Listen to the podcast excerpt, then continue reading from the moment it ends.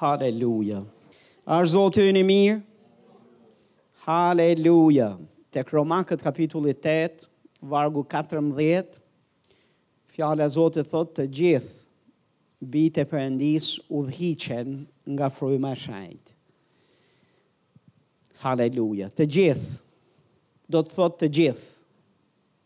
Asnjë prej nesh nuk është i përjashtuar në këtë privilegj dhe në këtë mrekulli. Ne gjithë si fëmijët e Zotit, kushdo që ka besuar te Jezusi, ka privilegjin dhe bekimin e kujdesit e përkujdesjes Frymës Shenjtë po edhe udhëheqjes Frymës Shenjtë në këtë jetë. Në marrëdhënien tonë me Perëndinë, në njohjen e Perëndisë dhe rrugëve të Tij. në ecjen tonë në mënyrë të pëlqyer përpara Perëndisë dhe përpara njerëzve. Është e pamundur t'ia dalim me aftësi njerëzore, t'ia dalim me fuqitë tona. Por Ati ynë qiellor iu përgjigj lutjes Zotit Jezus dhe na dha dhe dorëzoi në duart e frymës shenjtë për të na drejtuar dhe për të na udhëhequr. Tani ka i kam qenë duke folur dhe sot do thellohem dhe do flas akoma më shumë për udhëheqjen e Frymës së Shenjtë. Dhe se si të kemi një jetë të mirëbalancuar, që kur Fryma e Shenjtë të na udhëheqë dhe të na flasë, ne dimë ta dallojmë. Kur ai të na udhëheqë, të dimë si ta dallojmë. Kur Perëndia na udhëheq, të dimë dhe të kuptojmë se si duhet sillemi. Dikush thotë amen. E di, uh, do shkojmë tek veprat e apostujve, dhe te veprat e apostujve do shohim disa shkrime, dhe aty do shohim disa prej atyre rrugëve dhe mënyrave se si Perëndia udhëheq kishën e vet dhe bijtë e vet. Le të shohim së bashku tek veprat kapitulli 8, Veprat kapitulli 8 do lexojmë nga vargu 26 deri tek vargu 40. Thotë edhe një engjëll i Zotit i foli Filipit duke thënë, "Çohu dhe shko drejt jugut në rrugën që nga Jeruzalemi zbret në Gaza." Thotë ajo është e shkretë. Uh, nënvizojeni nëse keni diçka për të nënvizuar, Ju kam folur një nga mënyrat se si Perëndia drejton kishën dhe drejton fëmijët e tij, janë përmes është përmes angjëjve të vet. Tani angjëjt nuk janë fryma e shenjtë. A jeni a jeni duke më dëgju? Po ëngjëjt janë ata të cilët Perëndi janë shërbëtorë të Perëndisë, janë edhe në shërbimin e kishës, në shërbimin tonë. Dhe angjëjt janë mesazherë të Zotit, angjëjt përdoren herë mbas here nga Perëndia, ne e shohim në shkrime, për t'i dhanë drejtim kishës, për të sjellë një mesazh, për të sjellë një informacion. Edhe për të na dhanë orientim dhe drejtim. Ky është një rast në test në në, në besëlidhjen e Re tek Veprat e Apostujve, ja ku është Filipi. Filipi është dishepull i Jezusit, Dhe Perëndia dërgon një angjëll të tijin i cili i flet Filipit. Angjëlli i Zotit i foli Filipit dhe i tha, Çohu dhe shko drejt jugut në rrugën që nga Jeruzalemi zbret në Gaza, ajo është e shkretë. Angjëlli i Zotit e dinte se për cilën rrugë bëhet fjalë, sa e shkretë është dhe i tha Filipit, Çohu dhe shko drejt Ne na është premtuar udhëheqja e frymës shenjtë. Dhe ne do të shohim në shkrime që Perëndia ka më shumë se sa një mënyrë dhe një rrugë drejtimi dhe udhëheqje. Askund në Bibël nuk na është premtuar Nuk na është premtuar që ne gjithmonë do të dëgjojmë zërin e Perëndisë apo do të kemi vetëm një rrugë të caktuar si Perëndia do të na flasë. Dhe Ai zgjedh rrugën dhe mënyrën si na drejton. Ai ka premtuar se do të na udhëheqë. Dhe ky është premtimi i tij, por si ai na udhëheq është zgjedhja e tij. Dhe nuk është askund në Bibël, nuk shohim kishën e Zotit apo dishepujt që t'i luten Atit që o At, na dërgo një angjëll që të na drejtojë.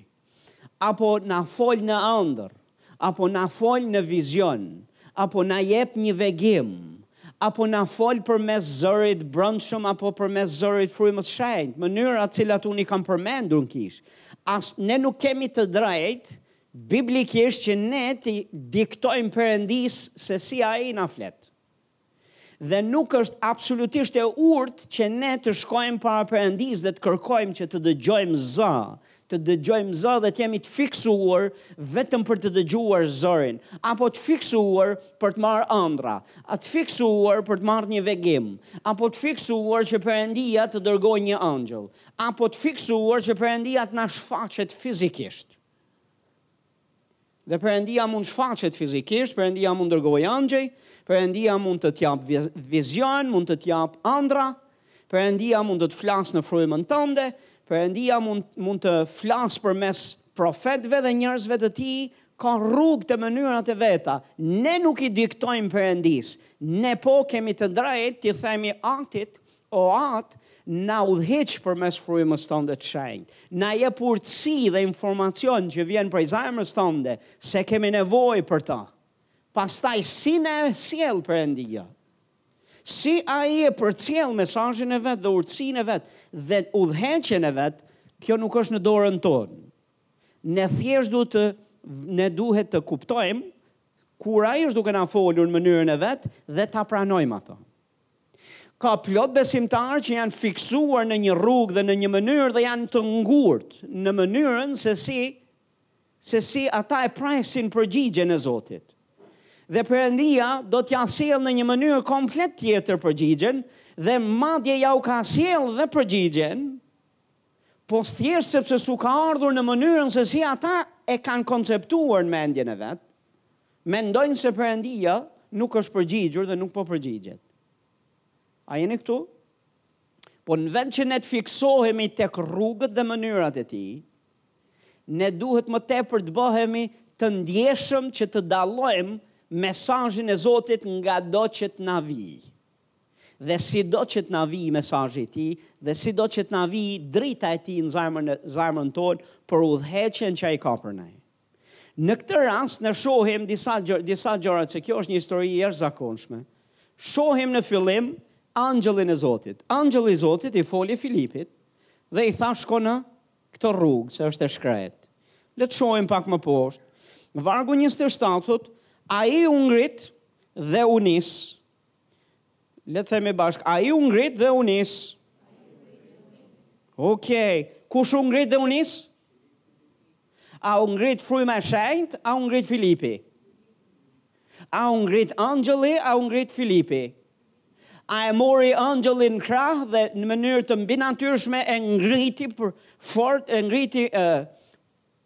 Filipin edhe e e e e bëri që të ecë apo u ngrit vet Filipi?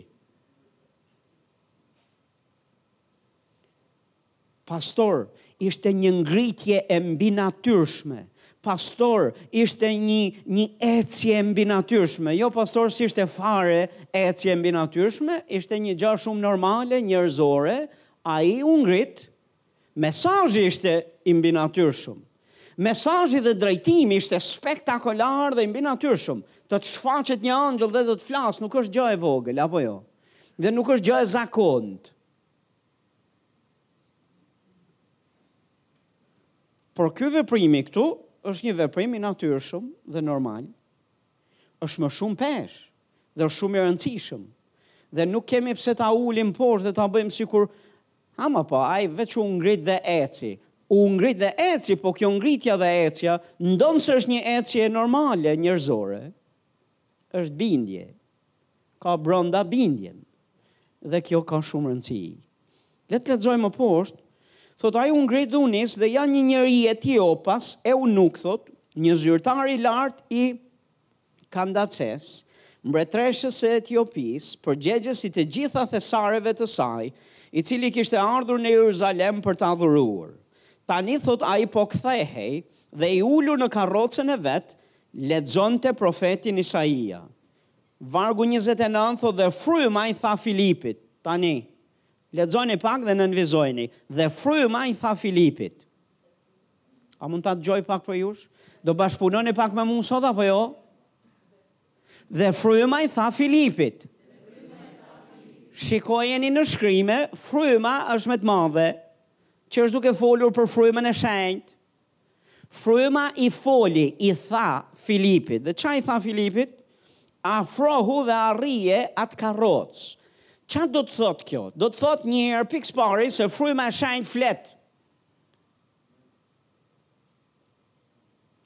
Tani, në qoftë se një, dy vargje më lart shohim angjëllin që foli dhe i dha orientim dhe drejtim Filipit, këtu thotë fryma i foli, jo angjëll, jo angjëlli. Nuk i dha vegim, nuk i dha vizion, nuk shohim që kishte naj uh, një, një lloj ndjesie të brendshme që duhet t'i afrohej karrocës, Por thotë fryma foli, që do të thotë ai dëgjoi zërin e frymës. E dëgjoi zërin e frymës. Tani këtu nuk na thuhet nëse ishte zë audiv dhe ai e dëgjoi me këto veshë. Por ë uh, sepse fryma e Zotit mund të flasë sa të dëgjohet dhe me veshët tanë. Dhe ka raste kur Perëndia flet me zë audiv dhe njerëzit e dëgjojnë. E themi me zë audiv sepse kjo është e vetmja term shqip që mund të gjejmë për të bërë për të thënë që uh, hyn punë veshët tanë. Për shembull, tek ungjit Ati Perëndi i thotë, mbasi Jezusi doli nga uji, Fryma e Shenjtë erdhi në trajtë pëllumbi dhe pushoi mbi Jezusin. Dhe u, u dëgjua një zë dhe të gjithë e dëgjuan. Dhe u dëgjua një zë nga qielli që tha, Ky është biri im i dashur, në të cilin jam i kënaqur. Që do të thotë, njerëzit e dëgjuan me zë. Të gjithë e dëgjuan këtë zërin që erdhi nga qielli. Ky është një zë audiv. Dhe ka raste kur Perëndia flet dhe në atë mënyrë. Në këtë rast, Unë besoj, ndonëse nuk është e specifikuar aty, nëse u dëgjua në mënyrë audive nga veshët e tij apo në zemrën e tij, unë besoj që është një e folur në zë, në zemrën, në, në, në njeriun e brendshëm. Fryma e Shenjtë që është një me frymën tonë, i flet frymës tonë, dhe ne e dëgjojmë, ndonëse veshët tanë nuk e dëgjojnë, këta këtu, Veshët e zemrës. Këtu përbrenda nesh ne e dëgjojmë zërin e frymës. Fryma e Zotit thotë i foli Filipit dhe i tha afroju, afroju dhe arri atë karrocë. A jeni duke dëgju? Tani, Filipi u drejtua nga angjëlli deri aty. Pastaj nga këtu deri afër karrocës nuk është angjëlli në skenë më. Shohim që fryma foli, është një mënyrë komplet tjetër si Perëndia po udhëheq Filipin. Dhe Filipi vini re nuk ndalon aty dhe të thotë Po nuk më foli angjëlli që më solli deri këtu, unë nuk lëviz. Sepse Filipi e dinte që kjo është një nga mënyrat se si Perëndia zgjedh mënyrën se si flet dhe udhëheq. Uh, për ne ka rëndësi që kur e dallojmë që ai është duke folur, ai është duke udhëhequr, ne dallojmë mënyrën dhe bindemi Po nuk i diktojmë Perëndisë mënyrën se si na drejton. Dhe nuk është rastësi që Fryma e Shenjtë e ka frymëzuar dhe ka shkruar pikërisht këtë histori këtu në Bibël, sepse është duke na mësuar diçka. Fryma i foli Filipit dhe i tha, afrohu dhe arri atë karrocë.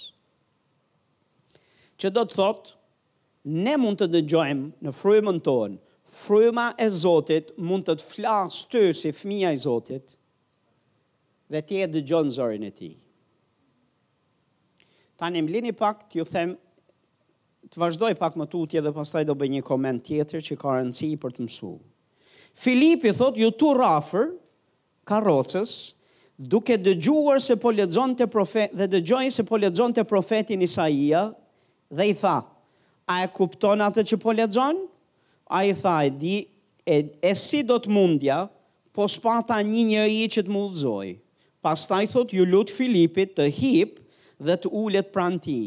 Por pjesa e shkrimit që ai po lexonte ishte kjo, atë e çuan, e çuan si delja në thertore, dhe ashtu si qengji është memec përpara qyte, qethtarit, kështu ai nuk e hapi gojën e vet, në përuljen e tij iu mohua çfarëdo lloj drejtësie. Po kush do të mund ta përshkruajë brezin e tij, sepse jeta e tij u hoq nga toka. Dhe eunuku iu kthye Filipit dhe i tha, Të lutem, për kë e thotë profeti këto? Për veten e vet apo për ndonjë tjetër? Atëherë e mori fjalën Filipi dhe duke filluar nga ky shkrim, i shpalli Jezusin. Dhe ndërsa po vazhdonin rrugën, arritën në një vend me ujë, dhe eunuku tha, Ja uji, çfarë më pengon të pagëzohem? Dhe Filipi i tha, Nëse ti beson me gjithë zemër, mund ta bësh. Dhe ai u përgjigj duke thënë, Unë besoj se Jezus Krishti është Biri i Perëndisë. Urdhëro, urdhëroi atëherë të ndalet karroca, dhe të dy, thotë, Filipi dhe eunuku zbritën në, zbritën në ujë dhe ai e pagëzoi. Po ndaloj deri këtu. Çfarë i tha fryma e shenjtë Filipit? I tha, Afroju asaj karroce.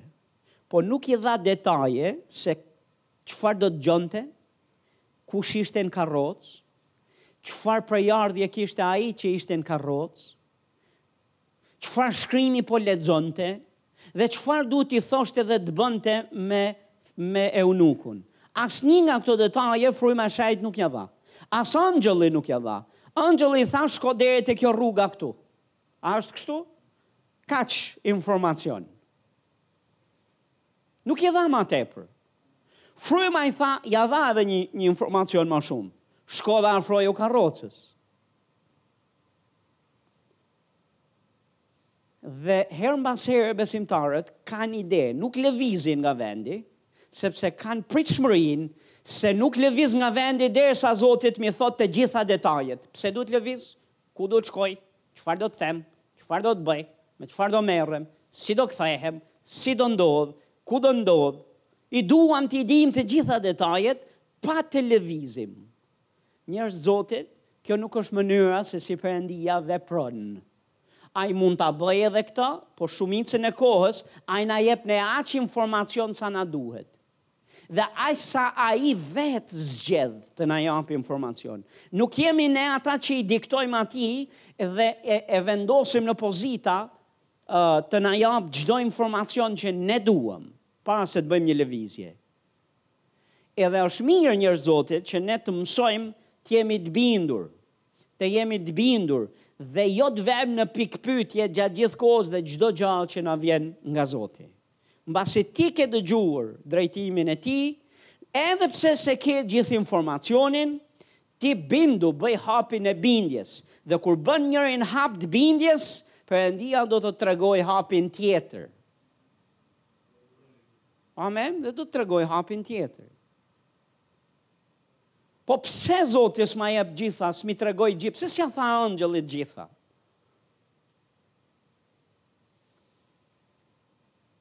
Nuk e di pse nuk ja tha të gjitha. Po nuk është biznesi ynë, gjithsesi, që ta vendosim Perëndinë në pozita ku të na detyrohet për të na dhënë çdo shpjegim. Po ne duhet të mësojmë të ecim me besim. Filipi u bind, hapit të parë, shkoi te hapi i dytë. Vini re, tani ai u afrua te kjo karroca, a u afrua te karroca? Kur u afrua te karroca, pa eunukun dhe dëgjoi eunukun që po lexonte shkrimin e shenjtë. Dhe ai hyri në bisedë me të dhe i shpalli ungjillin, i shpalli Jezusin, mori shkas nga ai shkrim që po lexonte tek Isaia që i referohet Jezusit dhe Filipi i predikoi ungjillin dhe e drejtoi drejt besimit dhe drejt pagëzimit me ujë. rëndësisë së pagëzimit me ujë, i predikoi ungjillin këtij njeriu. Tani pyetje kam. Engjëlli i tha shko e prediko ungjillin? Fryma e Shenjtë i tha afroju karrocës dhe prediko ungjillin? Kur u afrua afër këtij burri dhe e dëgjoi të fliste, a mos vallë shohim në shkrime se fryma e Zotit i foli dhe i tha, Filip, tani hape gojën dhe fliti për Jezusin atij? A e ke kund, a e kemi në shkrime? Nuk e kemi në shkrime. Por pse Filipi nuk ndaloi dhe nuk i tha, nuk tha prit. Mm. Ka naj angjëll? Ku shkoi angjëlli? Ça të bëj tani, ja? U afrova. Mm, fryma e shenjtë. Ça duhet të them, ça duhet të bëj tani?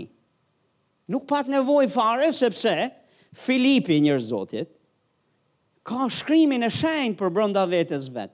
Dhe ai s'kishte nevojë t'i fliste më Perëndia për një gja që ka folur tashmë. Dhe më lini t'ju mësoj një gjë, kur jemi përballë një të humburi, ne nuk kemi nevojë që të bëhemi të çuditshëm dhe të pyesim Zotin, Zot, a do ti që ne t'ja predikojmë ungjillin një të humburi? Sigurisht që do. Kur je përballë një të sëmuri, a do ti Zot që unë të lutem dhe dhe ta nxis këtë njeri që të besojë ty për shërim? Nuk ke nevojë as për një zë nga qielli, as për një angjëll që të të shkundë, e nuk ke nevojë për naj prekje të mbinatyrshme. Ti e ke në shkrime Na është dhënë urdhërimi i madh, Shkoni në mbarë botën dhe predikoni Ungjillin çdo krijese. Çdo krijesë që është e humbur ka nevojë për shpëtim dhe ti nuk ke as nevojë ta pyesësh Zotin a do ti Zot që unë ta Nuk e shohim Filipin ta bëjë këtë gjë. Filipi e kuptoi në frymën e vet, që arsyeja pse Zoti më ka sjellë këtu, pse më solli fryma e shenjtë, pse më foli fryma e shenjtë, pse më foli angjëlli që të vij deri këtu, më ka sjellë jo që të hypi në karrocë e të bëj një xhiro në karrocë, po më ka sjellë që unë të predikoj lajmin e mirë, që unë ta drejtoj te Jezusi këtë burrë. dhe nuk ishte aspak i çuditshëm, po ishte shumë i natyrshëm dhe predikoi lajmin e mirë. Predikoi lajmin e mirë. E kuptoi në zemrën e vet që arsyeja pse Zoti më drejtoi se ai për këtë më ka drejtuar këtu, se ai nuk është mbas karrocave, as mbas kuajve, është mbas njerëzve të humbur. Dhe urdhrimi i tij është prediko ungjillin. Dhe mbasi ai kuptoi që po flitej për shkrimin, e po flitej për Jezusin, hyri në skenë dhe dha shpjegime për çfarë fliste Isaia dhe e drejtoi tek Jezusi dhe e drejtoi gjithashtu te pagëzimi me ujë. Sepse eunuku nuk e dinte se ekziston pagëzim me ujë. Filipi e drejtoi te pagëzimi me ujë, dhe nuk është fryma e shenjtë që i foli dhe i thoshte, Ndaloni kuajt, ndaloni karrocën, ja ku është uji, as angjëlli nuk i, nuk e bëri këtë. Eunuku e kërkoi këtë gjë, Filipi tha, pse jo, aty ishte uji, e pagëzoi në ujë, e nxori nga uji, edhe vazhdoi rrugën. A jeni këtu? Nuk duket spektakolare, po është e mbinatyrshme. Nuk duket spektakolare, po Perëndia është në të. Se Perëndia për këtë arsye e solli deri aty Filipin. Dikush thotë amen.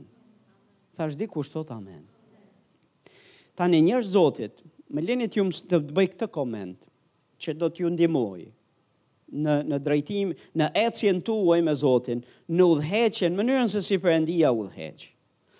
Vini re ne nuk shohim frymën e shenjtë që është duke i fol në vesh Filipit gjatë gjithë kohës. Filip, majtas. Filip, djathtas. Filip, hape gojën. Filip, mbylle gojën. Filip, ngrihu. Filip, ulu. Filip, këtu, Filip atje. Në rregull, nuk e shohim këtë gjë. As angjëlli i Zotit nuk e bën këtë. Madje shohim që e folura, angjëlli foli një frazë të shkurt, fryma foli një frazë të shkurt, më shumë foli Filipi se sa angjëlli bashkë me frymën së bashku. A është kështu apo jo? Tani. Pastor, ne duhet të ecim me anë të shkrimit të shenjtë. Shkrimi i Shenjtë është vullneti i zbuluar i Perëndisë. Dhe ndërsa ti i bindesh vullnetit të zbuluar të Perëndisë, i bindesh Shkrimit të Shenjtë, kur është për të ndërhyrë në mënyrë spektakolare të mbinatyrshme dhe në mënyrë specifike dhe unike, fryma e Zotit zgjedh vetë, e di vetë kur duhet të të flasë.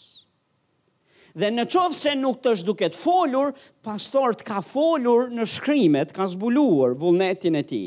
Sa prej jush dëgjuat, pat, ka pas naj angjëll që ju solli në kishë sot. Ka ndonjëri prej jush që iu shfaq një angjëll dhe i tha, do të shkosh në kishë sot? Në mund të ndodhë, ndonjërit prej jush edhe mundet. Takova në në Thuma një motër që na vjen në kishë. Gjatë kohës tërmetit, ë uh, është shpëtuar, ka ardhur tek Jezusi. Dhe mbaj mend që në një nga shërbesat që ne bënim jashtë, jashtë ndërtesës thot, ju e dini te rruga aty. Thot pastor, thot dua të të them një gjë, thot. Ha, thot kam parë në ëndërr. Thotë kam parë disa herë në ëndërr, thotë më shfaqesh në ëndërr, thotë dhe më thua, lexoje motër Biblën. Duhet ta lexosh Biblën.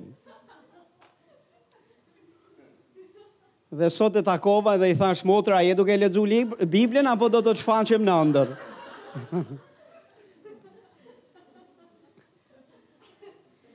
Thashë mos na detyro që të të shfaqem.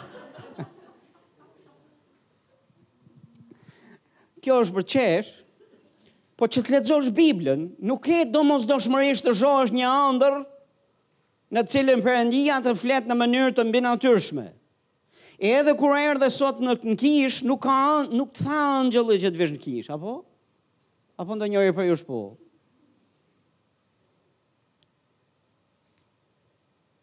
Po pse erdhët në kishë? Dhe kjo ardhja juaj në kishë këtu është është në përputhje me vullnetin e Zotit? Keni jeni duke bërë gjënë e duhur apo jo?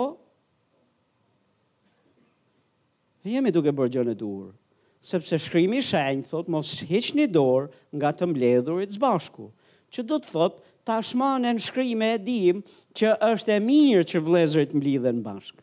Është kur mblidhemi bashkë duhet të sjellim e duhet të vim e të sjellim kontributin e hirit që Zoti i ka dhënë secilit prej nesh, sepse ti ke nevojë për hirin e tjetrit, tjetri ka nevojë për hirin tënd. Shkrimi i Shenjtë tashmë e ka ve e ka vulosur Këtë gjë e kemi të shkruar. Nuk kemi nevojë të dëgjojmë nga qielli, të shohim ëndrra, të vijë ëngjëll, të flasë Zoti në zemrën tënde, sa herë që vjen në kishë. Po duket sikur je ti ai që, po mor je ti dhe është shumë normale. U ngrite ti si si Filipi. Filipi u ngrit dhe nisi rrugën andej nga i foli angjëlli. Tani më lini t'ju them një gjë që është me shumë rëndësi. Autoritet më të madh se sa shkrimi i shenjtë nuk ka. Angjëjt, vetë fryma e shenjtë.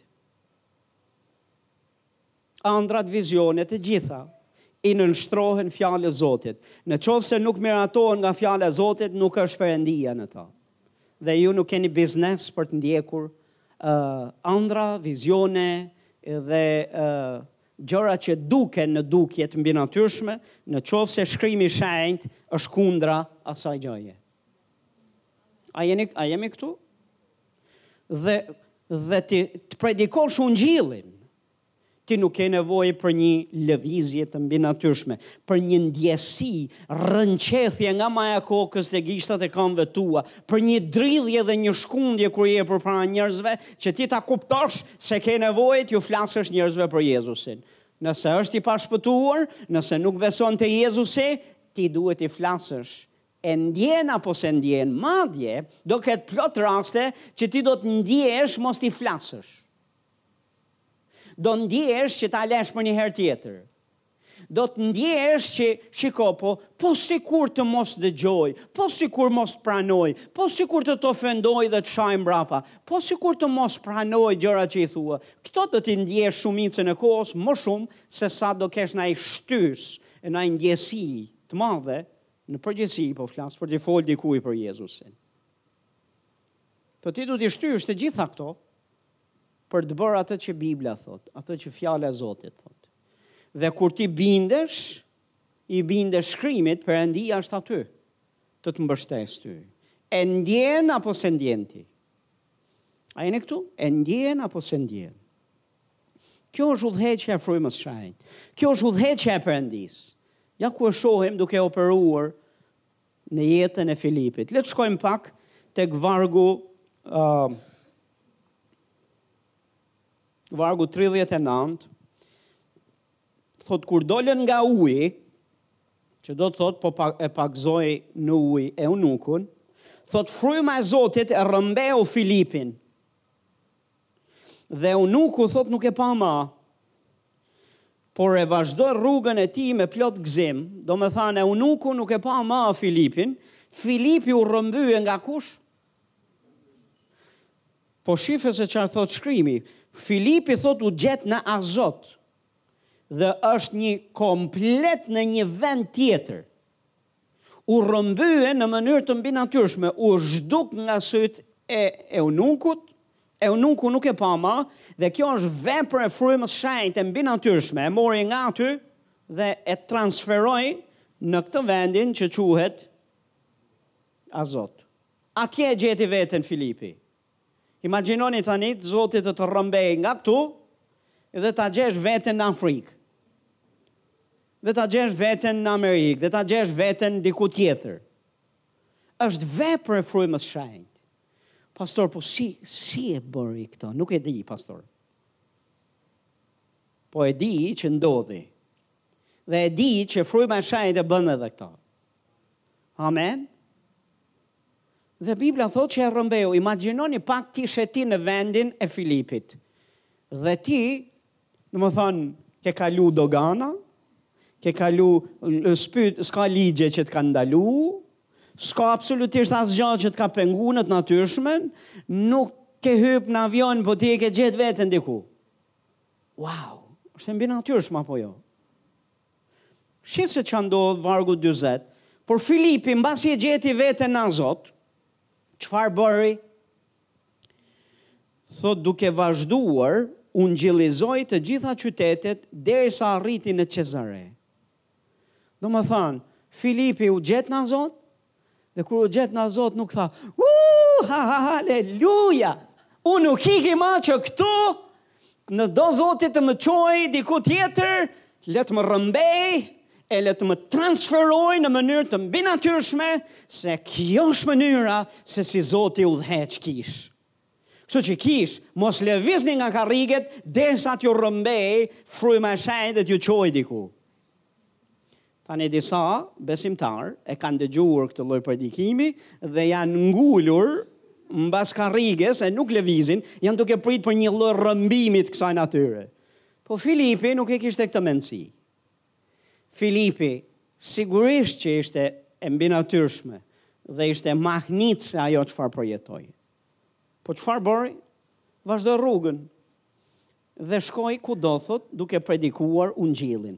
Dhe nuk thuhet aty që naj engjëll i tha, Shko ti këtu e thuaj atij e fol me këta, as fryma, po Filipi e bëri vetë sepse s'kishte nevojë më t'i fliste fryma dhe as ndonjë engjëll dhe as nuk pati pritshmëri për një drejtim të mbinatyrshëm spektakolar siç e kishte pas më përpara. Sepse Filipi dinte këtë mësim që jam duke, duke ju mësu. Nuk është në dorën tonë si zgjedh Perëndia të na flasë e të na udhëheqë. Në dorën tonë është kur ai na flet, ne ta dallojmë e ne të bindemi. Amen? Dhe shumicën e kohës, më lini pak t'ju them, shumicën e kohës nuk do kemi spektakël, Nuk do ketë ndonjë lëvizje të mbinatyrshme, shumicën e kohës ne do jemi njerëz që do i bindemi Shkrimit të Shenjtë. Po kjo është po aq e mbinatyrshme sa edhe spektakolarja për të cilën fola pak më herët. Dhe ne duhet të ndihemi rehat. Ishim në kish, pastor. Kësaj shtune, sa ça lëvizje e Perëndis. Çfarë demonstrimi i Perëndisë. Dhe Perëndia ka demonstru veten e vet në shërbesa pa fund. Kemi parë spektakël në kish, apo? Kemi parë spektakël. Kemi parë shfaqje dorës Zotit mbinatyrshme. Kemi parë mrekulli, kemi parë shenja, kemi parë veprat Zotit dhe demonstrime në shërbesat tona. Po ka pas raste kur ne kemi folur fjalën e Zotit edhe jemi lutur dhe nuk ka pas as spektakël, as ndonjë shfaqje spektakolare të dukshme të mbinatyrshme, po vini re të dukshme të mbinatyrshme. Nuk kemi pa. Po pyetje, mos vallë atë ditë s'kemi qenë të vajosur? Mos vallë atë ditë Perëndia s'ishte në kishë?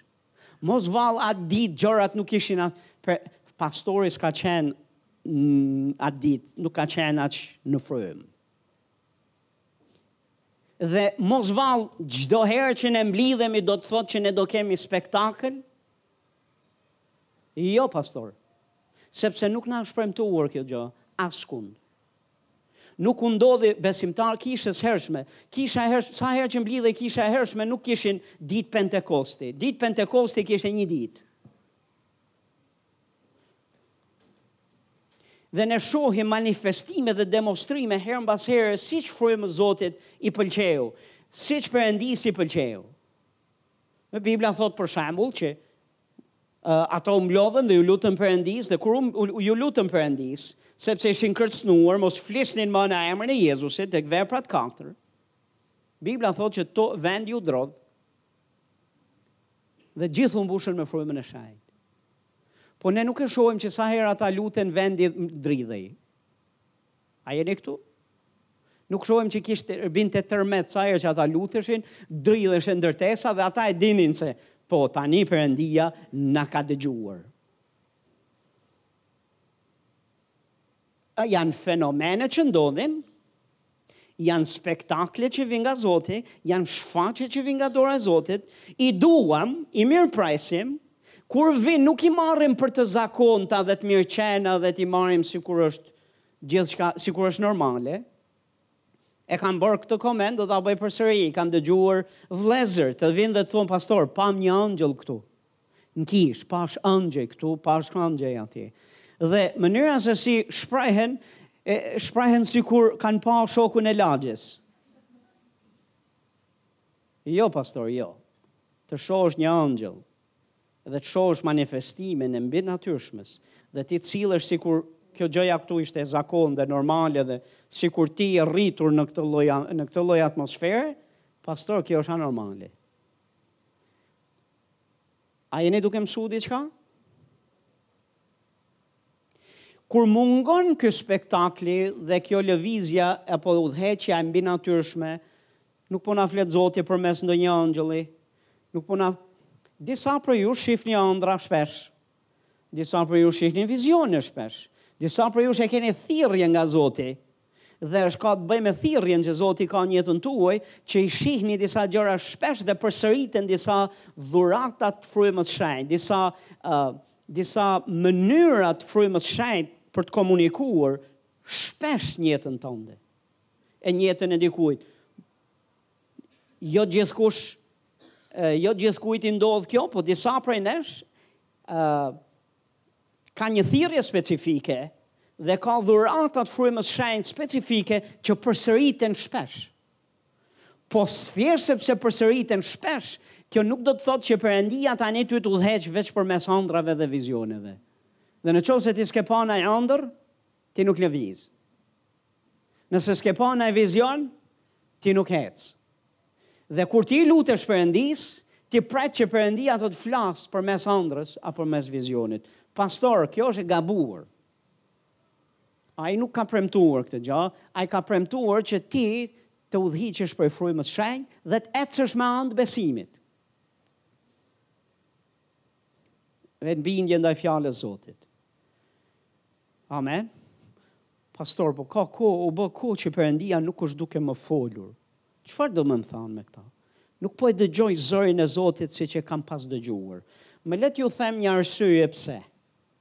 Një nga arsyet pse është sepse se disa prej nesh jemi të fiksuar o e dëgjojmë zërin e Zotit o s'ka dhe kemi vendo kemi vënë Zotin në në e kemi vënë në pozitë që ai që ne të bëjmë hapa, që ne të ecim, që ne të të bëjmë atë që atij pëlqen, ne e kemi vë në pozitë që ai duhet të na flasë me patjetër përmes zërit tij. Dhe më le të them këtë gjë, kjo është e pashëndetshme për ne, dhe vetë Perëndia e ndalon zërin e tij, kur e sheh se ti ke këtë qëndrim në zemër.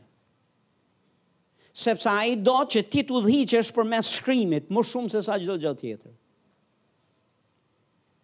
Po kur ti e le shkrimin, e lexon shkrimin, po e le mënjanë dhe je mbas zërit, Kjo është e pashëndetshme për ne. Dhe vetë Perëndia e ndalon sepse na do shumë dhe na kthen vëmendjen tek Shkrimi, tek autoriteti i Fjalës Zotit. Më le të të them, dashurohu me Shkrimin, dashurohu me Fjalën e Zotit, rrëmo në Fjalën e Zotit, bindju Fjalës Zotit, po të them pastori do të të shtohen, do të të shtohen këto mënyra të tjera të komunikimit Zotit. Do t'i kesh pafund dhe nuk do të shterrojnë. Leje këtë mënjanë. Do të shterrojnë edhe këto. Leje këtë fjalë mënjanë dhe ekziston mundësia të dalësh nga shinat. Frymërisht dhe të bëhesh i çuditshëm. Dhe në fakt të hiqesh si frymor, por në fakt të jesh në gabime dhe të bësh gabime pa fund. Po po e ke këmbët në shkrime, themelet e tua në fjalën e Zotit, pastaj, uh, do jesh i shëndetshëm. Do jesh i shëndetshëm dhe ecja jote do të jetë e shëndetshme. A morët diçka këtu apo jo? Tani le të shohim pak edhe një disa histori të tjera, të cilat besoj se do të jenë bekim. Haleluja. Veprat e Apostujve kapitulli 13. Domethënë, jemi duke folë, po të vini re, thotë veprat e apostujve, në fakt, mund të ishte veprat e Frymës Shenjtë në kishën e hershme, do të ishte një titull akoma më i, më i gjetur, sesa veprat e apostujve. Po kjo është kisha e hershme, dhe këtu kemi, tek veprat e apostujve, kemi manualin e Zotit për ne, për kishën. Si si vepron Perëndia? Si duhet të veprojë kisha e Zotit? Vini re vargu 1, kapitulli 13. Në kishën e Antiokisë, siç është kisha jonë sot, thotë ishin profetë edhe mësues. Domethënë në kishë çfarë kishte? O, oh. Barnaba, Simeoni, i quajtur Niger, Luci nga Ahh kreneas ahh e me radhë flet ca emra të tjerë të cilët tashi s'po i shof mirë për shkak dritës. Po aty thot ishte edhe Sauli. Thot vargu 2 dhe ndërsa po kryenin shërbesën e Zotit dhe po agjëronin, ça po bënin këta? Domethanë, aty kishte profetë, aty kishte mësues, aty kishte pastorë, aty kishte burra dhe gra të Zotit. Me peshë në trupin e Krishtit. Çfarë po bënin këta këtu? Po kryenin shërbesën e Zotit dhe po agjëronin. Domethanë, kjo fjala kryenin shërbesën e Zotit, të gjithë po adhuronin Zotin. Po i këndonin Zotit. Ti mund t'jesh mësues, ti mund t'jesh profet, ti mund t'jesh pastor, ti mund t'jesh apostull, ti mund t'jesh ungjilltar, ti mund t'jesh ça t'jesh, Të gjithë adhurojmë Zotin dhe është shërbesë që Zoti kërkon nga bijtë e Tij, nga fëmijët e Tij, që ta adhurojmë Atë. Adhurimi i takon Zotit. Dhe nuk ka një nivel pozite ku ti mund të ngrihesh që ne përjashtohemi nga shërbesa e Zotit. Madje sa ma lart sa më shumë pozitë, influencë në trupin e Krishtit, kjo duhet të na bëjë ne më të përulur dhe më njerëz që adhurojnë dhe shërbejnë Zotit. Amen. Kjo është kisha. Kjo është kisha, të gjithë. Nuk ishte adhurimi, nuk ishte për besimtarët e thjeshtë, ndërkohë që profetët dhe mësuesit dhe pastorët ishin ata kishin një shërbesë tjetër. Jo, kjo ishte shërbesa. Dhe kjo është shërbesa e shërbesave. Adhurimi ndaj Perëndisë. Dhe çfarë thotë? Kur po bënin këtë gjë këtu, fryma e shenjtë tha, me qëra fjala. Në qoftë se do të jesh i ndjeshëm Dhe do që ti ta pozicionosh veten tënde në pozita ku veshtë e tu mund të dëgjojnë dhe të mprehen për të dëgjuar Frymën e Shenjtë të flasë kur do Ai, po ta dëgjosh ti, është ji njeri adhurues, ji një njeri që lavdron dhe adhuron Zotin, që merr kohë dhe i shërben Atij. Pastor, pse ka nevojë Zoti për shërbesë? Po, pastor. Ti ne i shërbejmë Perëndisë. I shërbejmë, e duam Perëndinë. Urdhërimi i parë është duaje Perëndinë me gjithë zemër, me gjithë shpirt, me gjithë forcën tënde. Dhe shërbej vetëm Atij. Ky është urdhërimi i parë që Perëndia i ka dhënë njeriut. Dhe kjo është ajo shërbesë të cilën gjithë ne duhet t'ia japim Atij. Jo vetëm të shkojmë tek ai për të marrë prej tij, po të shkojmë për t'i dhënë, për t'i dhënë dashuri. Dhe kur dikush adhuron Zotin, e pozicionon veten për të dëgjuar prej tij. Dhe ne shohim, fryma e shenjtë foli, le të themi bashkë, fryma e shenjtë tha, a e vini re, ata nuk i thanë, o, ne jemi duke të agjëruar, e po të shërbejmë ty Zot, hape gojën edhe na fol përmes frymës shenjtë. Jo, ata thjesht po agjëronin dhe po i shërbenin Zotit pa agjendë mbrapa. Amen. Shumë prej nesh nuk dëgjojmë sepse shkojmë me agjendë. Dhe kur shkojmë të adhurojmë Zotin, shkojmë me idenë që ne jemi duke të adhuruar ty Zot, por në fakt kemi ardhur sepse unë dua këtë prej teje, sepse unë dua atë prej teje. Dhe sillemi si manipulus, si fëmijët që bëjnë, që vinë përpara nesh si si prindër. A keni vënë re? Fëmijët tuj kanë ardhur ndonjëherë te ju dhe thonë, e dinë se ç'a të pëlqen ty dhe vijnë e bëjnë pikërisht atë gjën këtu, atë gjën që të pëlqen ty, sa të të sa të të bëjnë ty për vete dhe pastaj kur të thonë: a mund ta ma japësh pak celularin? A mund ta hap pak të shoh këtë në YouTube? A mundem pak unë të bëj këtë gjën këtu? Në fakt ti e kupton që që në fillim kur kanë ardhur te ti, Kanë ardhë me këtë qëllim. Qëllimi është jo në fakt për të të kënaqur ty. Qëllimi në fakt është për të marrë atë ç'a u pëlqen.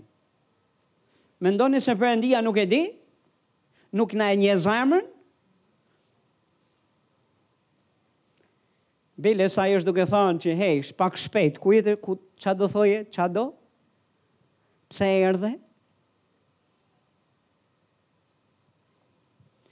Dhe ne duhet të mësohemi të themi e di çfarë, edhe kur kemi agjendë, dhe kur kemi nevoja, kur shkojmë në praninë e Zotit, duhet të ketë plot raste që ne qëllimisht duhet t'i lëmë jashtë lutjes nevojat tona dhe dëshirat tona dhe të themi e di çfarë Zot, jam këtu për të dashur ty. për të adhuruar ty. Edhe sikur kurrë mos të më plotësohen nevojat e mia, jam këtu për të të thënë se të dua ty dhe të jam mirënjohës për kush ti je. Amen. Po, Zot, dhe jam këtu, Zot, jo për vullnetin tim, po për tëndin. Çfarë do të doje ti që të bëhej me jetën time? Ku do të doje ti? Si do të doje që unë të jetoj? Ku do të doje që unë të shkoj? Çfarë do të dëshiron ti të bëj unë për ty? Jo çfarë jam këtu, çfarë mund të bësh ti për mua? Po jam unë këtu. Çfarë mund të bëj unë për ty? Gjithsesi, ne shohim në këtë lloj atmosfere. Fryma foli. Sa rëndësi ka adhurimi ndaj Zotit? Prandaj në shumë shërbesa kur ne adhurojmë Zotin së bashku, dhe jo kur njëri është ulë në karrige e tjetri është duke menduar se çfarë do hajë dhe ku do shkojë pak ma vonë dhe çfarë do hajë mbas kishës, po jemi të gjithë fokusuar një zëri tek Zoti duke adhuruar atë. Ne krijojmë një atmosferë lirie për frymën e Zotit që të veprojë dhe dhuratët e frymës të rrjedhin. Fryma foli. A e shihni përsëri, Fryma tha. Dhe çfarë tha, mi ndani veç Barnabën dhe Saulin për veprën për të cilën i kam thirrur. Në rregull, po çfarë vepre? Nuk shohim asgjë. Nuk shohim shpjegim me detaje se çfarë ku do jenë duke shkuar, çfarë do jenë duke bërë, në ku në çfarë krahinash, në çfarë zonash, çfarë fshatrash, çfarë qytetesh. Nuk shohim të flasë ma gjatë se kaq, apo jo. Vini re se ça ndodh. Atëherë, thotë, pasi agjëruan dhe u lutën, vunë duart mbi ta dhe i nisën. Kush agjëruan, kush u lutën dhe kush vunë duart mbi, mbi Palin, mbi Saulin, Palin dhe Barnabën, dhe kush i nisi? Kisha. Kush foli tha mi ndani veç? Po pse u lutën këta? Po pse agjëruan këta? Po pse vunë duart këta? Dhe pse thotë Bibla që i nisën ata? Kisha i nisi. Dhe ky veprimi këtu nuk është anti frymë e shenjtë. Dhe fryma e shenjtë nuk është nuk u trishtua se kisha u lut, agjëroi, vuri duart mbi ta dhe i nisi. Jo kishë. Fryma e shenjtë është pro kishës. Është një me kishën dhe mbështet kishën, mbështet hierarkinë e kishës. Nuk është kundra, nuk nxit dhe nuk mbjell rebelim. Në daç të dish kur është fryma e shenjtë duke vepruar e duke folur, më lehtë ta them pastor, momentin që anashkalohet drejtuesit, momentin që mbillet rebelim, përçarje dhe ndasi dhe dhe dhe mbillet dhe frymëzohet krenari, Nuk është fryma e shenjtë na dëgjon fare. Dhe fryma e shenjtë nuk e ka problem. Kur ai flet që kisha të marrë kohë të lutet për ta vërtetuar, për ta kuptuar, a është vërtet fryma që po flet? Për të agjëruar, a është vërtet fryma që po flet? Dhe mbasi e merr vesh që fryma është duke folur, prap nuk është kjo nuk ia heq të drejtën kishës për të vënë duart në emrin e Jezusit për të transferuar vajosjen.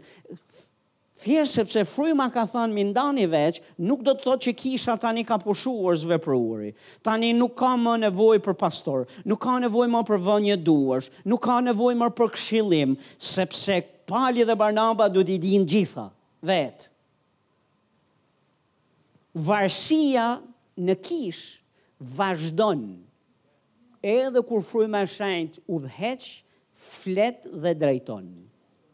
Varësi, nuk, ai nuk hedh poshtë varësinë biblike ndaj njëri-tjetrit. Lidhjen e ngushtë që duhet të kemi në kishë me njëri-tjetrin, po e mbështet atë më fort. Amen. Nuk shohim frymën të trishtohet, Po fryma e shenjtë në fakt është ok me gjithë këto. Në një pasazh tjetër thotë na u duk mirë ne dhe frymës shenjtë. Na u duk mirë ne dhe frymës shenjtë. Dhe fryma e shenjtë nuk e ka problem, sepse është i mirësjellshëm. Dhe gjithashtu ai dëshiron bashkëveprim Nuk na do kukull. Nuk do robot. Ne nuk jemi kukull, nuk jemi robot dhe ai është uzurpues i vullnetit tonë. Jo, ai është i dashur, i mirësjellshëm dhe na jep kohë. Edhe kur ne nuk kuptojmë një gjë, na jep kohë që ne ta kuptojmë.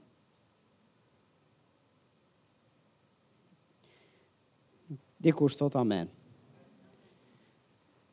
Sa rëndësi ka bashkëveprimi me me i frymës me pse pse jam duke fol këtë pastor sepse ka plot besimtarë që shohin një ëndërr dhe ju frymëzohet dhe ju frymëzohet krenaria e tyre dhe shohin një vizion kanë një vizitë të mbinatyrshme dhe befas fryhen sikur kanë ju ndodh një mrekulli dhe befas ju duket sikur s'ka nevojë më t'i mësojë njeri.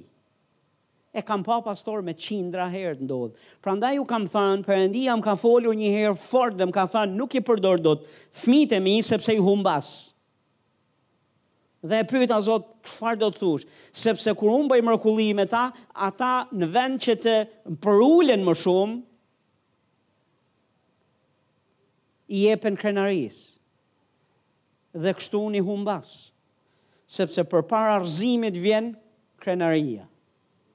Dhe i ligu i përdor gjitha, kur nuk pengon mrekullitë e Zotit, ai do që të të ushqejë krenari. T'i përdor ato të të ushqejë krenari. Shiko, ti je i veçantë, prandaj janë duke të ndodhur këto. Është për shkakun e perëndjeshmërisë tënde. Ti je më i urtë e më i zgjuar se sa të gjithë. Ë, uh, madje pastori nuk të kupton ty. Nuk i kupton dhuntitë dhe dhuratat dhe vajosjen që ti ke. Në fakt, prandaj nuk të ka lënë ty hapësirë në kishë, kupton? Po sikur ta dinte se sa i vajosur, se sa i, i, i, i mufosur je ti.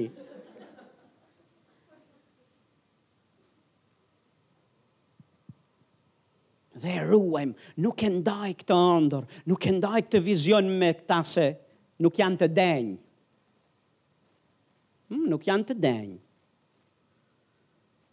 Kjo është sekret midis meje dhe Perëndisë.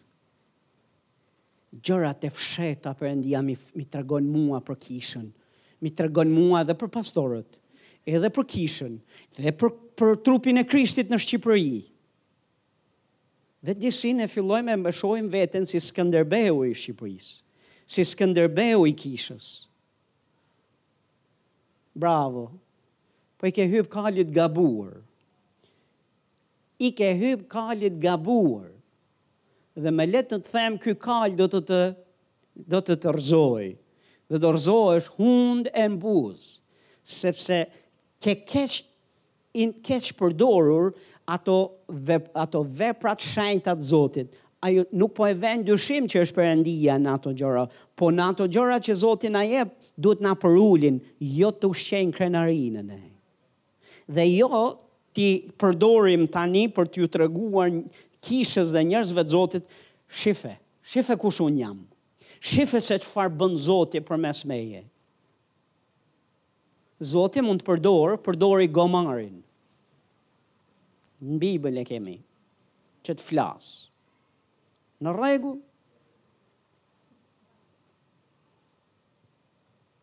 Jezusi tha, në një moment thanë po e adhuronin Jezusin dhe thanë shif, po thonë Hosana, Hosana, po të jepen lavde. E Jezusi tha sikur këta mos ta bëjnë nga gurët, edhe gurët Do të këndojnë e do të japin lavdi Zotit. Domethënë, përëndia bën që edhe guri të flasë. Edhe gomari të flasë. Ne e shohim në shkrime që i foli profetit Zotit, gomari sepse s'po dëgjonte. S'po dëgjonte Zotin dhe gomari foli. Përëndia ia hapi gojën dhe e bëri të flasë. Nuk duhet të mbahemi me të madh pastor. Pse na i keni ngulur sytë ne sikur ne me fuqinë tonë dhe perëndishmërinë tonë, tha Pjetri dhe Gjoni, sepse njerëzit po e shihnin, po shihnin të çalin te dera e bukur që ishte shëruar në mënyrë të mbinatyrshme. Gjithë qyteti e dinte, këtë mrekulli të mbinatyrshme dhe thanë, pse na i keni, pse e mendoni sikur ne me perëndishmërinë tonë, jo, në emrin e Jezusit, besimi në emrin e Jezusit e shëroi, dhe lavdia i takon këtij emri. Çfarë po thoshin Pjetri dhe Gjoni, është që mos na shihni ne sikur ne e bëmë këto. Po ka plot vëllezër të cilët sapo t'u bjerë një pikë shiu hutohen, sapo t'u bjerë pak lavdi, pak lavdi edhe hutohen. Nuk duhet të hutohemi njerëz të Zotit, duhet t'i japim lavdi Zotit gjithë kohës. Dikush thotë amen. Dhe thashë edhe një herë, fryma e Zotit nuk nxit rebelim në kishë. Ça, përçarje, grindje. Inat, dhe nuk të ndan nga tufa, Shiko veç ti di, veç ti ke, veç ti tani ë uh, shiko mos fol se ata nuk të kuptojnë ty dhe të izolojë. Ky nuk është, ky nuk është fryma e Zotit. Dhe thashë ka plot raste kur fryma e Zotit është duke vepruar me ne, po i ligu na na na fryn në krenari dhe besimtarët bien pre e krenarisë dhe pastaj edhe gjërat e shenjta që Zoti bën dhe thotë Ne i keqpërdorim. I ligu i keqpërdor. Dhe ne dëmtohemi. Dhe dëmtojmë dhe tjerët me to. E mbinatyrshmja dhe dhuntitë e frymës, e veprat e frymës, nuk duhet të jenë justifikim për të mos ecë në karakter. për të mos ecë në bindje ndaj fjalës së Zotit, për të dalë nga përulësia. Sa më shumë përdoresh nga Zoti, ruje veten, më i përulur duhet të bëhesh. Më i padukshëm duhet të jesh ti. Më e pazëshme duhet të jetë emri yt. Më duhet të ikësh nga skena ti. Jo të dalësh në skenë, po duhet të ikësh nga skena. Dhe duhet të ketë plot raste që ti duhet të ikësh dhe mos ta di kush edhe kush je. Edhe të jesh shumë rahat. Po në qoftë se ti, më le të të them një gjë që ta të mbash mend se do ta kujtosh. Këtë që do të them. Në qoftë se ndodh që po flitet për ndodh një mrekulli. Dhe ti ke atë tendencën që të fusësh, të dalësh dhe të thuash, Zoti më përdori mua. Ishte për shkakun tim. Unë. Dhe në qoftë se, në qoftë se për shembull nuk përmendesh ti dhe ti ndihesh keq këtu, pse s'u përmende ti, pastor dije, se ke ca far, far, një farë të keqe brenda që duhet shu. Edhe po s't'u dëgju emri yt dhe po s'u mor vesh se kush je dhe kush e bëri, ti s'duhet të shqetësohesh. Ti duhet të thush lavdi Zotit, emri i tij, ai e ka bërë, lavdia i qoftë Zotit. Amen. Lavdia i qoftë Zotit, dikush thotë amen. Haleluja. Mirë kishë. Ja ku po shohim një rast ku fryma foli Po nuk anashkalohet kisha, nuk anashkalohen këta profetët dhe mësuesit dhe të thonin që shiko tani, fryma foli, kush jeni ju? Jo, jo, jo. Ça mendoni ju? A është okay kjo me zemrën tuaj? A i dëshmon kjo zemrës tuaj? Sepse nuk e ka askush prej nesh fru, e, ekskluzivitetin e të pasurit vetëm për vete frymën e shenjtë. Fryma e shenjtë është e gjithë kishës. është mbi gjithë. E ky është mësim më vete. Dikush thotë amen. Mirë, le të shohim një një histori, një pasazh tjetër sepse besoj se kjo do të na ndihmojë. Kapitulli 16, nja tre kapituj mbrapa, shohim Palin edhe Barnabën që janë në udhëtim Do shkojmë tek vargu gjashtë, kur po kalonin thotë nëpër Frigji dhe në krahinën e Galatisë, u penguan nga fryma e shenjtë që të shpallnin fjalën në Azi. Dhe si arritën në kufijtë e Misisë, ata kërkuan të shkojnë në Bitini, por fryma thotë nuk i lejoi. Kështu pasi e përshkuan Misinë, zbritën në Troas. Ok, kjo është një mister në vetvete.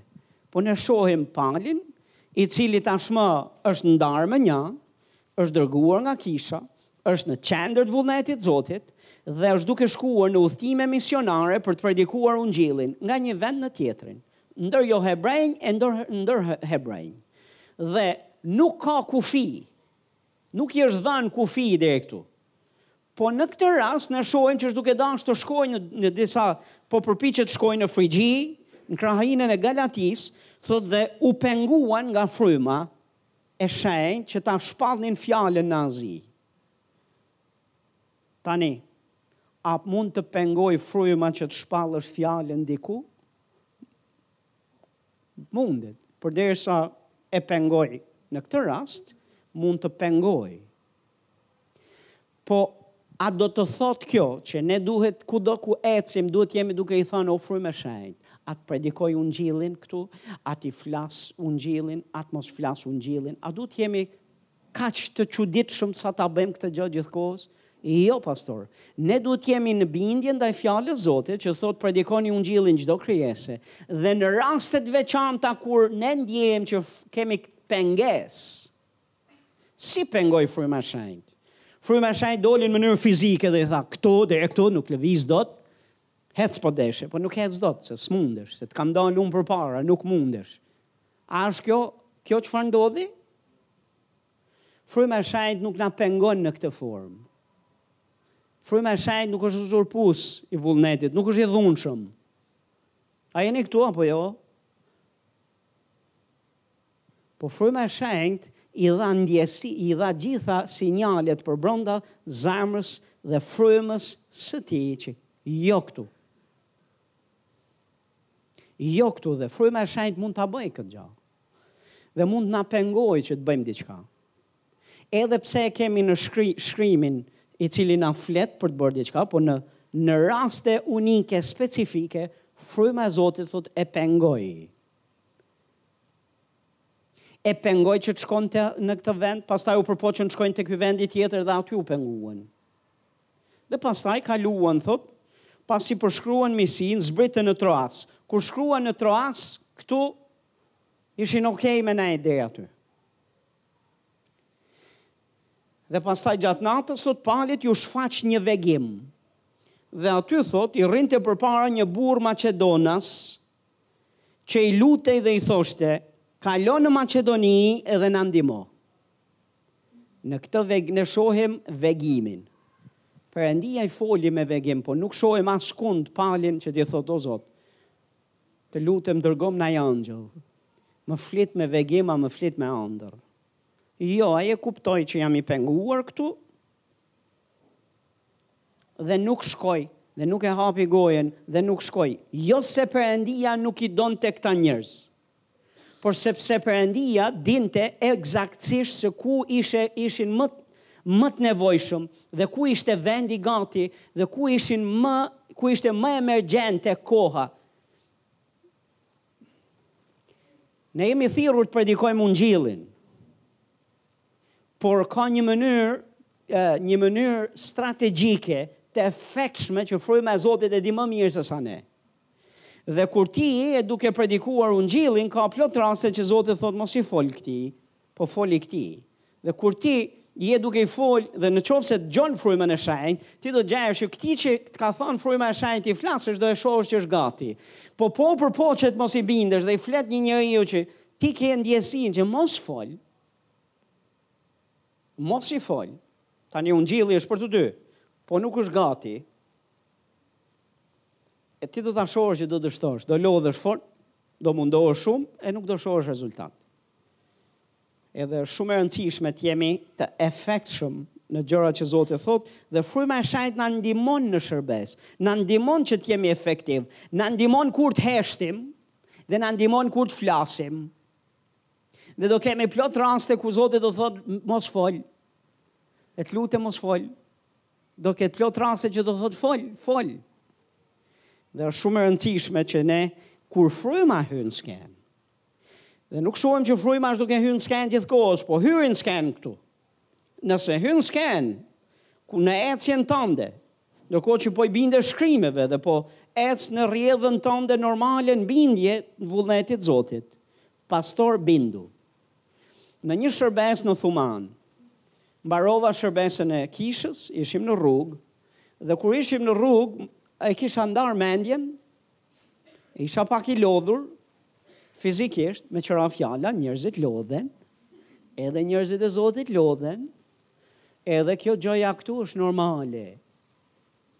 A jeni këtu? Sepse ka plot raste që ka besimtarë që thonë, Pastori lodhet, sikur, është i palodhë shumë pastori. Pastori lodhet, pastori nuk është me flatra. Pastori është një i. Pyt një gruan time nëse, doni, nëse, nëse keni nevojë për më shumë informacion në këtë fushë. Dhe isha i lodhur atë ditë, mbarova shërbesën dhe po përshëndesja njerëzit, isha shumë i gëzuar që mbaroi shërbesa atë ditë. E shijova fjalën e Zotit boll.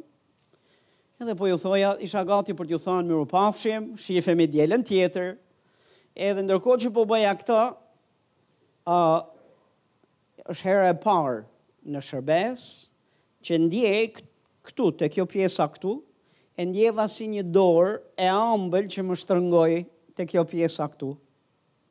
Jo, nuk më dhimti, Po e ndjeva si dorë fizike që që më më kapi më kapi më kapi këtu te kjo pjesa këtu. Isha shumë mirë me shëndet, s'kisha naj dhimbje, asnjë problem. Po e ndjeva këtë. Edhe prapë isha tek sa herë sa doja t'jua bëja mirupafshim, kisha këtë, këtë shtrëngimin këtu. Dhe kur shtrëngova, menjëherë fillova të bluaj me veten. Është gjë e mirë të bluash me veten. Dhe thashë, po kjo? Dhe dëgjova frymën e shenjtë që më foli dhe më tha, ka njerëz këtu që kanë dhimbje te kjo pjesa këtu. Tek tek pjesa e mesit dhe te pjesa e veshkave dhe ti do të lutesh për ta. Dhe thashë, sa prej jush keni dhimbje Në këtë takim keni ardhur sot dhe keni dhimbje veshkash, e keni infeksion e probleme të kësaj natyre dhe në atë shërbesë ngritën dorën 7-a, ku di unë, 6-a, 7-a, 8 gra dhe njerëz që ishin në shërbesë. Sa ishin o? Nëntë. Paskan qenë nëntë. Nëntë prej tyre, po nëntë nuk janë pak në një, në një tufë të vogël me njerëz. Nëntë njerëz u shëruan atë ditë në çast. Për mua unë thashë e mbylla. Dhe është normale ta mbyllësh shërbesën. Por fryma e Zotit nuk deshi dhe tërhoqi vëmendjen time në mënyrë që të ndaloja dhe që t'u jepja njerëzve atë që i takon. Ë uh, kur ishte të shtunën që shkoi. Zoti erdhi dhe bëri një gjë të mrekullueshme në mesin tonë në në në atë shërbesë apo jo. Sa për mua unë u ula dhe e kisha lënë, mbaroi shërbesa për mua, dhe sepse deri në atë moment nuk kisha naj ndjesi apo naj tërheqje se Perëndia donte të bënte diçka më shumë se aq.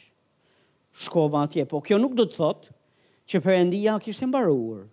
Perëndia i foli vëlla Adit, tërhoqi zemrën e tij dhe kishte një fjalë për dikë, për t'u sh për shërim, dhe erdhi më foli, dhe kur më foli, në atë moment fryma e Zotit më dëshmoi në zemër, po, kjo është prej meje. Ndërkohë që ai doli për t'ju folur dhe për t'i shërbyer individit që kishte atë nevojë për shërimin e kockave dhe të nyjave, Aty Fryma e Shenjtë tha nuk ka mbaruar, ka akoma gjëra të tjera të cilat unë dua t'i bëj në shërbesë. Dhe kishte një një sërë një sërë fjalësh njohurie të cilat rrodhën atë natë dhe njerëzit u shëruan dhe u bekuan. Dhe nuk isha vetëm unë, pastorja gjithashtu kishte diçka për të folur dhe për të vepruar dhe Zoti filloi të lëvizë edhe të bënte diçka të cilën sa për mua, Kishte mbaruar. A jeni këtu? Ky rast, kur ti je në bindje dhe je në qendër të vullnetit të Zotit dhe ke pengesë, të lutem kushto vëmendje. Dhe mos u bëj kokëfortë dhe të thuash, unë do ta predikoj ungjillin me do e mos. Ti mund të jesh në mes të shtëpisë tënde dhe ke një guxim të madh që shiko, unë e di se do t'jua predikoj ungjillin këtyre njerëzve. Po në qoftë se ke një një jo përbrenda, ke një ndjesi jo jo rehatie për të folur, të lutem bindju, Frymës Zotit. Në qoftë se ti ke, ke këtë, se ne mund të bëhemi radikalë në mendjen tonë dhe të ecim në mish dhe të, bë, dhe të tundojmë edhe vetë Perëndinë, po s'kemi kujdes. Për shembull, lavdi Zotit tani jam shpëtuar, do shkoj t'i flas kujtdo që më del përpara. Do shkoj drejt e tek hoxha i fshatit, te hoxha i qytetit, te hoxha i Shqipërisë, do ulem me të, e do ja tregoj qejfin, Se sa shumë e dua unë Jezusin, ulu këtu se do të të bind. Të lutem nëse s'të dërgon fryma e shenjtë mos e bëj.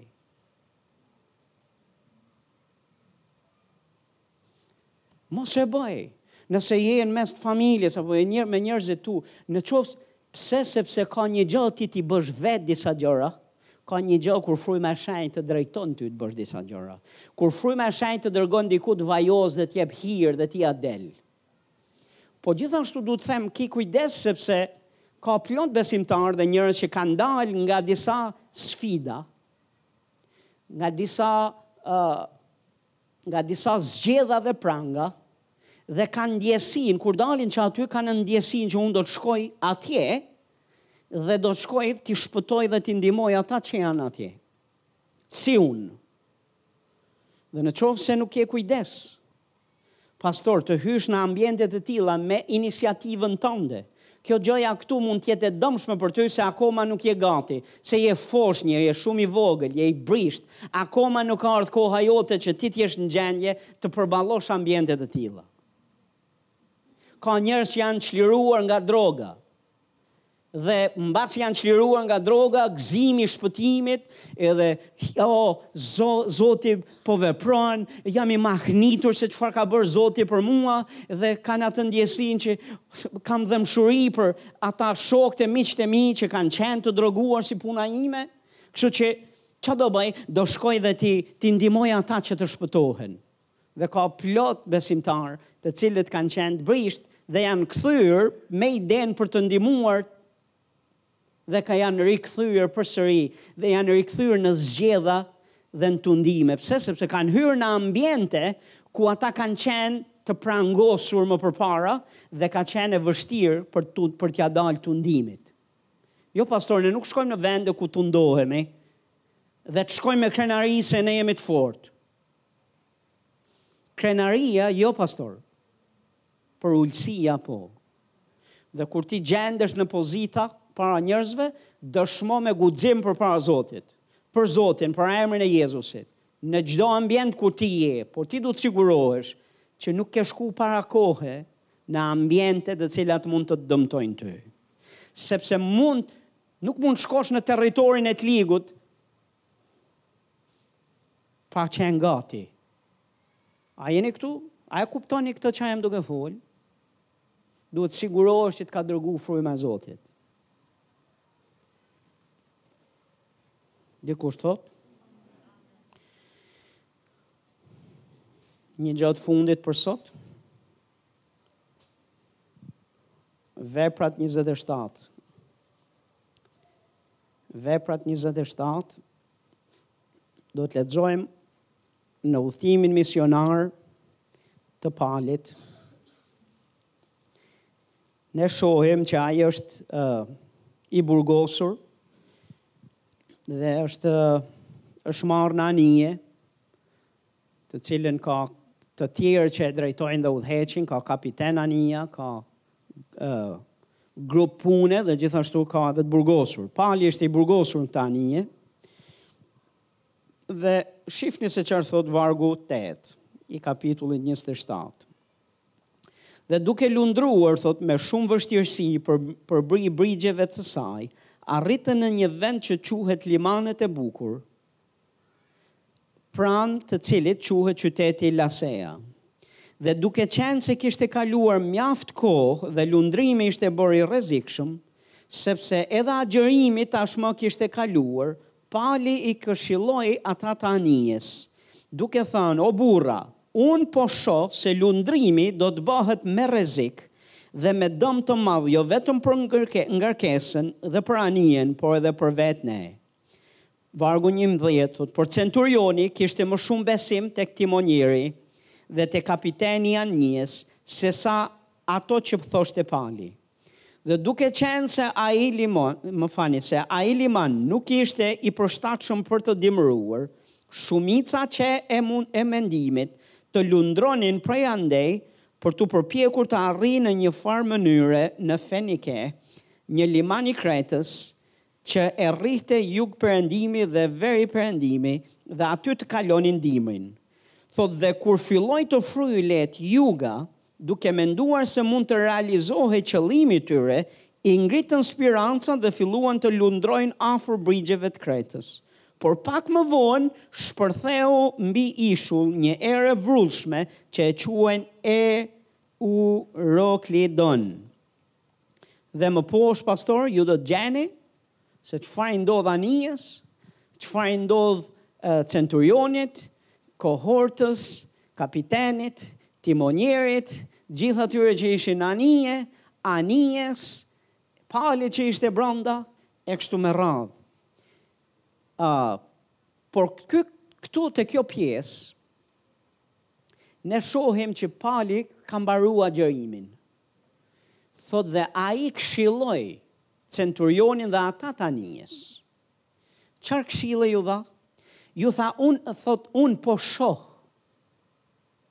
Tani në momentin që ai po shihte, pastor ishte koha e bukur, ishte e mrekullueshme, ishte ai ishte duke folur për një gjë komplet ndryshe nga ajo çfarë shihej. Ai tha që unë shoh rrezik për ekuipazhin e rrezik për jetët tona dhe për anijen. Shoh rrezik rrugës. Në anglisht është një përshkrim tjetër, thotë unë kuptoj, preceptoj në zemrën time, nuk është se po shoh me sy fizikë. Nuk është se ai po shihte një gjë me sy fizikë, se me sy fizikë ishte koha perfekte për të lundruar. Prandaj edhe nuk ja vunë veshin dhe nuk e dëgjuan dhe kujtuan se ky është i marrë. Ajo ça është duke fol Pali është e gabuar. Ça është duke fol ky? Kjo është koha më e përkryer për të lundruar. Ua, filloi të fryjë juga pak dhe ishte perfekte dhe për të ngritur velat në mënyrë që anija të të të ecte për për bukuri. Prandaj dhe s'dëgjuan. Thotë besuan më shumë timonierin, besuan më shumë aftësitë e tyre dhe shumica thotë ishin të mendimit që të lundronin, që do të thotë shumica jo gjithmonë e ka drejt. Dhe thjesht sepse u bë shumica, nuk do të thotë që janë drejt. Mund ta kenë gabim. Po Pali, Pali kishte agjëruar dhe mbas agjërimit pa Pati një informacion të brendshëm. Ai nuk tha që unë shoh që do të shpërthejë një erë e fuqishme që quhet erë Euroklidon. Dhe kur të shpërthejë ky Euroklidoni, oh ça do ta gjej anijen. Ne do humbasim, do bëhet errësirë, katërmbëdhjetë ditë ishte errësirë. Imagjino çfarë stuhie ishte. U frikësuan për jetën, për vdekje. Humbën anijen, humbën gjërat, mallrat, ushqimet dhe do gati po humbnin dhe vetë jetën e tyre. Dhe në mes kësaj situate, një angjëll i Zotit i foli Palit prapë dhe i tha mos druaj Pal, sepse ti do të dalësh përpara Çezarit. Dhe të gjithë ata që janë këtu do të shpëtohen për shkakun tënd. Ju do të gjeni pak më vonë që angjëlli hyri në skenë. Po në fillim ne shohim që ai pati preceptimin. Nuk pati një mesazh që fryma i foli. Nuk është angjëlli që i flet, po ai ka preceptim, ka ka një lloj informacioni të brendshëm, ka një lloj ndjesie përbrenda që ka rrezik rrugës. Dhe këtë gjë, njerëz Zotit, Unë besoj që kur fryma jonë zhvillohet në marrëdhënie me Zotin, rritet, bëhet e ndjeshme dhe do kemi plot raste që do e kemi dëshmi përbrenda nesh, që nuk mund themi është vizion, nuk mund themi është ëndërr, nuk mund themi që dëgjova një zë, po ne kemi një ndjesi të brendshme, qoftë për mirë apo qoftë për keq. Dhe kemi një lloj dije, dijenie këtu përbrenda që shiko, kjo rruga jo, jo kësa rruge. Jo këtë. Jo këtej. Dhe kur ti ke këtë lloj ndjesie, që ti nuk e shpjegon dot me fjalë. Po të të pyesin, ti nuk e shpjegon dot me fjalë. Nuk mund thuash që shiko, Unë e, e di se ça ka rrugës, fjalë për fjalë, se ça do ndodhë. Po ke këtë ndjesi. Dhe ju lutem, kur keni ndjesi të kësaj natyre,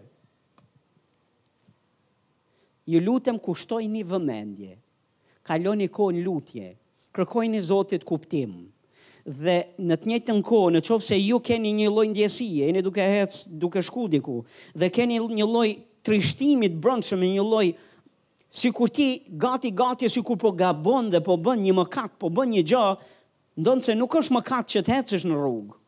Po ti ke një lloj ndjesie të kësaj natyre, thuj gati gati të kësaj natyre. Të lutem, ndalo. Minimumi lutu, së dyti, shko andej nga ndjen paqe dhe liri. Ku ti ndihesh i lirë dhe ndihesh rehat për të shkuar.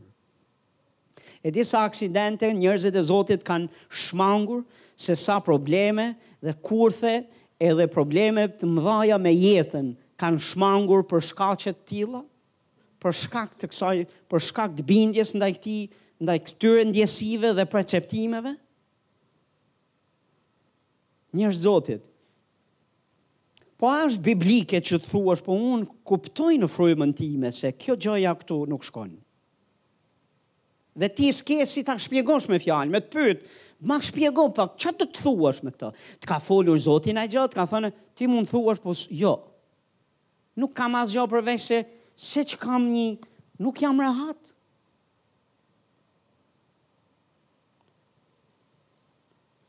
Dhe nëse s'je rehat, edhe nuk është kjo, domethënë, kur është një lloj parehatie, po që ti s'ke mëkatuar, Ti je shumë ok.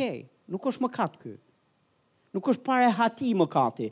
Ti je i lidhur ngushtë me Zotin, je duke bërë gjërat e duhura, je në vullnetin e Perëndisë. Po ke këto ndjesi. Kur ke këto ndjesi, pastor, të lutem, merr kohë, lutu, dhe nëse je duke ec në një shteg, mos ec. Mos ec derisa të marrësh përgjigje. Derisa të marrësh përgjigje. Dikush thotë, tani, a të ndaloj pak te kjo? Se në emër të kësaj ne mund ta, mund ta abuzojmë, në emër të gjitha mënyrave se si Perëndia vepron, dhe na flet e udhëheq, ne mund ta abuzojmë nëse jemi të papjekur. Dhe në qoftë se përpiqemi e përzihemi me papjekurirat tona. Perëndia nuk na le në mes të rrugës me kohë të gjatë pa përgjigje. Dije këtë gja një herë. Pikë. Për shembull, je duke ecë rrugës dhe ti ke këtë ndjesinë që mos ec këtej. Okej. Okay. Ti do të ecësh këtej. Mos ec as këtej. Okej. Okay. Mos ec as këtej. Okej. Okay. Rri këtu. Ktheu mbrapa, jo, mbrapa nuk është as mbrapa. Atëherë, mos ec këtej, mos ec këtej, mos ec këtej, mos ec këtej. Okej, okay, jam këtu. Zoti nuk po të flet më. Nuk ke më dhe po kalon kohë. Dhe u bë darkë. Dhe mbas darkës vjen mëngjesi. Dhe kalon mëngjesi vjen darka. Dhe ti je në vendnumro, pas dore që është anormale. Kjo nuk është nuk është fryma e Zotit, nuk është Perëndia dhe mos u bëj i çuditshëm, se as mos e bëj Perëndinë të çuditshëm. Se ai e di se si funksionon njeriu dhe trupi i njeriu se e ka krijuar vetë. Ai vërtet pengoi peng, e pengoi Palin që të mos shkonte në këtë vend e, në atë vend, po Pali nuk nejti në vendnumro, ai vazhdoi rrugën dhe derisa shkoi në Troas, thotë. aty ku shkoi. Dhe atë natë nuk e la ma mbas nja gjashtë muajsh, a mbas nja një viti. Po atë natë, thotë, fryma e Zotit iu shfaq i dha një vegim dhe i tha i tha që të shkojë në Maqedoni. A jeni këtu? A e kuptoni këtë pjesë? Në qoftë se ka diçka të kësaj natyre, dije pas dore që ke kalu cakun dhe ke fillu të bahesh i çuditshëm. Dhe ka plot besimtarë që janë bërë të çuditshëm me gjërat frymore dhe këto që jam duke fol pas dore. Po nuk jeni të kujdesshëm, mund të dalësh nga shinat. Komplet nga shinat. Prandaj Zoti na do që të jemi bashkë, T'i t'i t'i gjykojmë gjërat e Zotit dhe të sigurohemi që hapat tonë janë të matur dhe janë si duhet. Amen. Dhe kur i ndan me vëllezër, dhe kur i ndan me njerëzit e Zotit, këtu merr këshill të pjekur, sepse këtu mund të shohësh edhe një zë tjetër nga jashtë që të ndihmon të kuptosh. Amen, se ke plot nga plot të cilët ecin çuditshëm. Ça ke, pse rri këtu? Fryma e shenjtë më tha që të rri këtu. E cili është qëllimi? Nuk e di cili është qëllimi, po un po rri këtu. E mbaj mend në kishën ku kemi qenë më përpara. Vinte dikush, vinte një grua dhe dhe dhe mblidhte barin e barin e, e aty afër rreth rrotull te dera e kishës. Ça je duke bo moj motër, se ishte e çuditshme. Nuk shkonte. Më ka thonë fryma e shenjtë që të shkul barin. O, oh. mbaj mend një herë, vjen dikush, vjen një grua, kishte ardhë, na ishim në një konferencë besimi, dhe atje kishte dëgjuar për fjalën e besimit, e lëvizjet e Zotit, Dhe kjo vajzë ishte super kishte kalu me kokë në re edhe nuk ishte e balancuar me fjalën e Zotit dhe duket që kishte kalu përtej normales dhe vjen vjen një ditë dhe vjen drejt te kisha na e kishte gjetë ku e kemi kishën edhe i bie ziles ziles ziles derës dola jashtë kur dal shof këtë vajzë. Më thotë kam ardhur këtu thotë nga fryma e Zotit, Perëndia më ka dërguar te kisha këtu. Thotë në mënyrë hyjnore kam ardhur dhe kam ardhur thotë që të marr një libër të Kenneth E. Hagin. Me këtë titull ishte për frymën e shenjtë, dhuratat e frymës së shenjtë, një nga këto, a libri lutja, një nga këto librat e, e, e Kenneth Hagin. Dhe unë e dija se isha marrë me librat, merresha me librat mrena në, në kishë, sepse ishte pjesë, isha administrator i kishës dhe i dija mirë se ça, ça libra kemi e ça libra s'kemi. Thash motër, nuk e kemi këtë libër, se s'e kishim në fakt. O, unë e di që e keni këtë libër, se më ka thënë zoti, është aty mrena, ti duhet ma, ti duhet ma japësh. Thash o motër, Nuk është mrena. Nuk është. Dhe ti mendon se të ka thënë Zoti, po nuk është se me librat merrem unë dhe i kam pa një për një dhe e di ça libri është e ça libri s'është.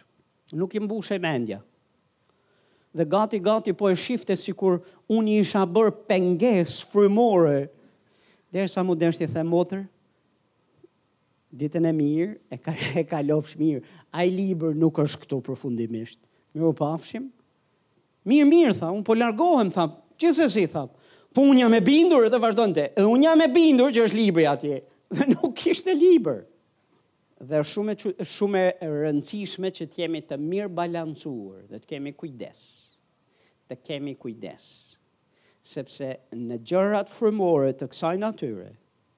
Këto janë shumë të shenjta, janë të bekuara, po ne duhet të jemi të kujdesshëm, të jemi të balancuar, të jemi me këmbë në tokë dhe jo të fluturojmë me idenë që thjesht se duket spektakolare dhe e mbinatyrshme dhe të është mbushur mendja ty se është kështu, ti menjëherë të jepesh, pa e filtru pak, pa e gjyku pak. Duhet të jemi të urtë, në të njëjtën kohë dhe frymorë. A ka kuptim kjo që jam duke mësu? Haleluja. Zoti është i mirë.